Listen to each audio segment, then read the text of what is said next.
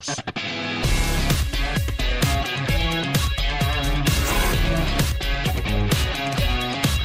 Que les aturades de seleccions són un mal de cap als clubs ja ho sabem de fa molts dies. Equips com el Barça, el Madrid o els principals clubs europeus paguen milions d'euros a les seves estrelles per perdre-les durant setmanes en tornejos o amistosos internacionals.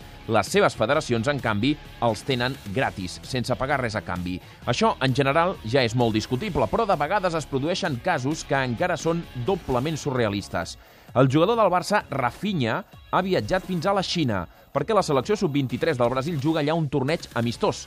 És la selecció olímpica i el Brasil la volen cuidar perquè són els anfitrions dels pròxims Jocs a Rio el 2016. Però el Brasil com a anfitriona ja està classificada, per tant no necessita jugar partits oficials abans de la cita olímpica. Disputa amistosos. Per tot això, el Brasil convoca els seus millors jugadors, ni que sigui per aquests amistosos. Entre ells, Rafinha. El problema és que el Blaugrana va acabar amb molèsties l'últim partit de Lliga del Barça, a Almeria. En condicions normals, Rafinha es podia haver estalviat el torneig però la Confederació no només no l'ha alliberat del compromís, sinó que l'ha fet viatjar fins a la Xina, aquí al costat, per confirmar que sí, que té molèsties i que, per tant, pot tornar a Barcelona. Un viatge d'anada i tornada de milers de quilòmetres d'un jugador tocat simplement perquè la seva federació no es va refiar dels informes mèdics dels metges del Barça i per un torneig amistós.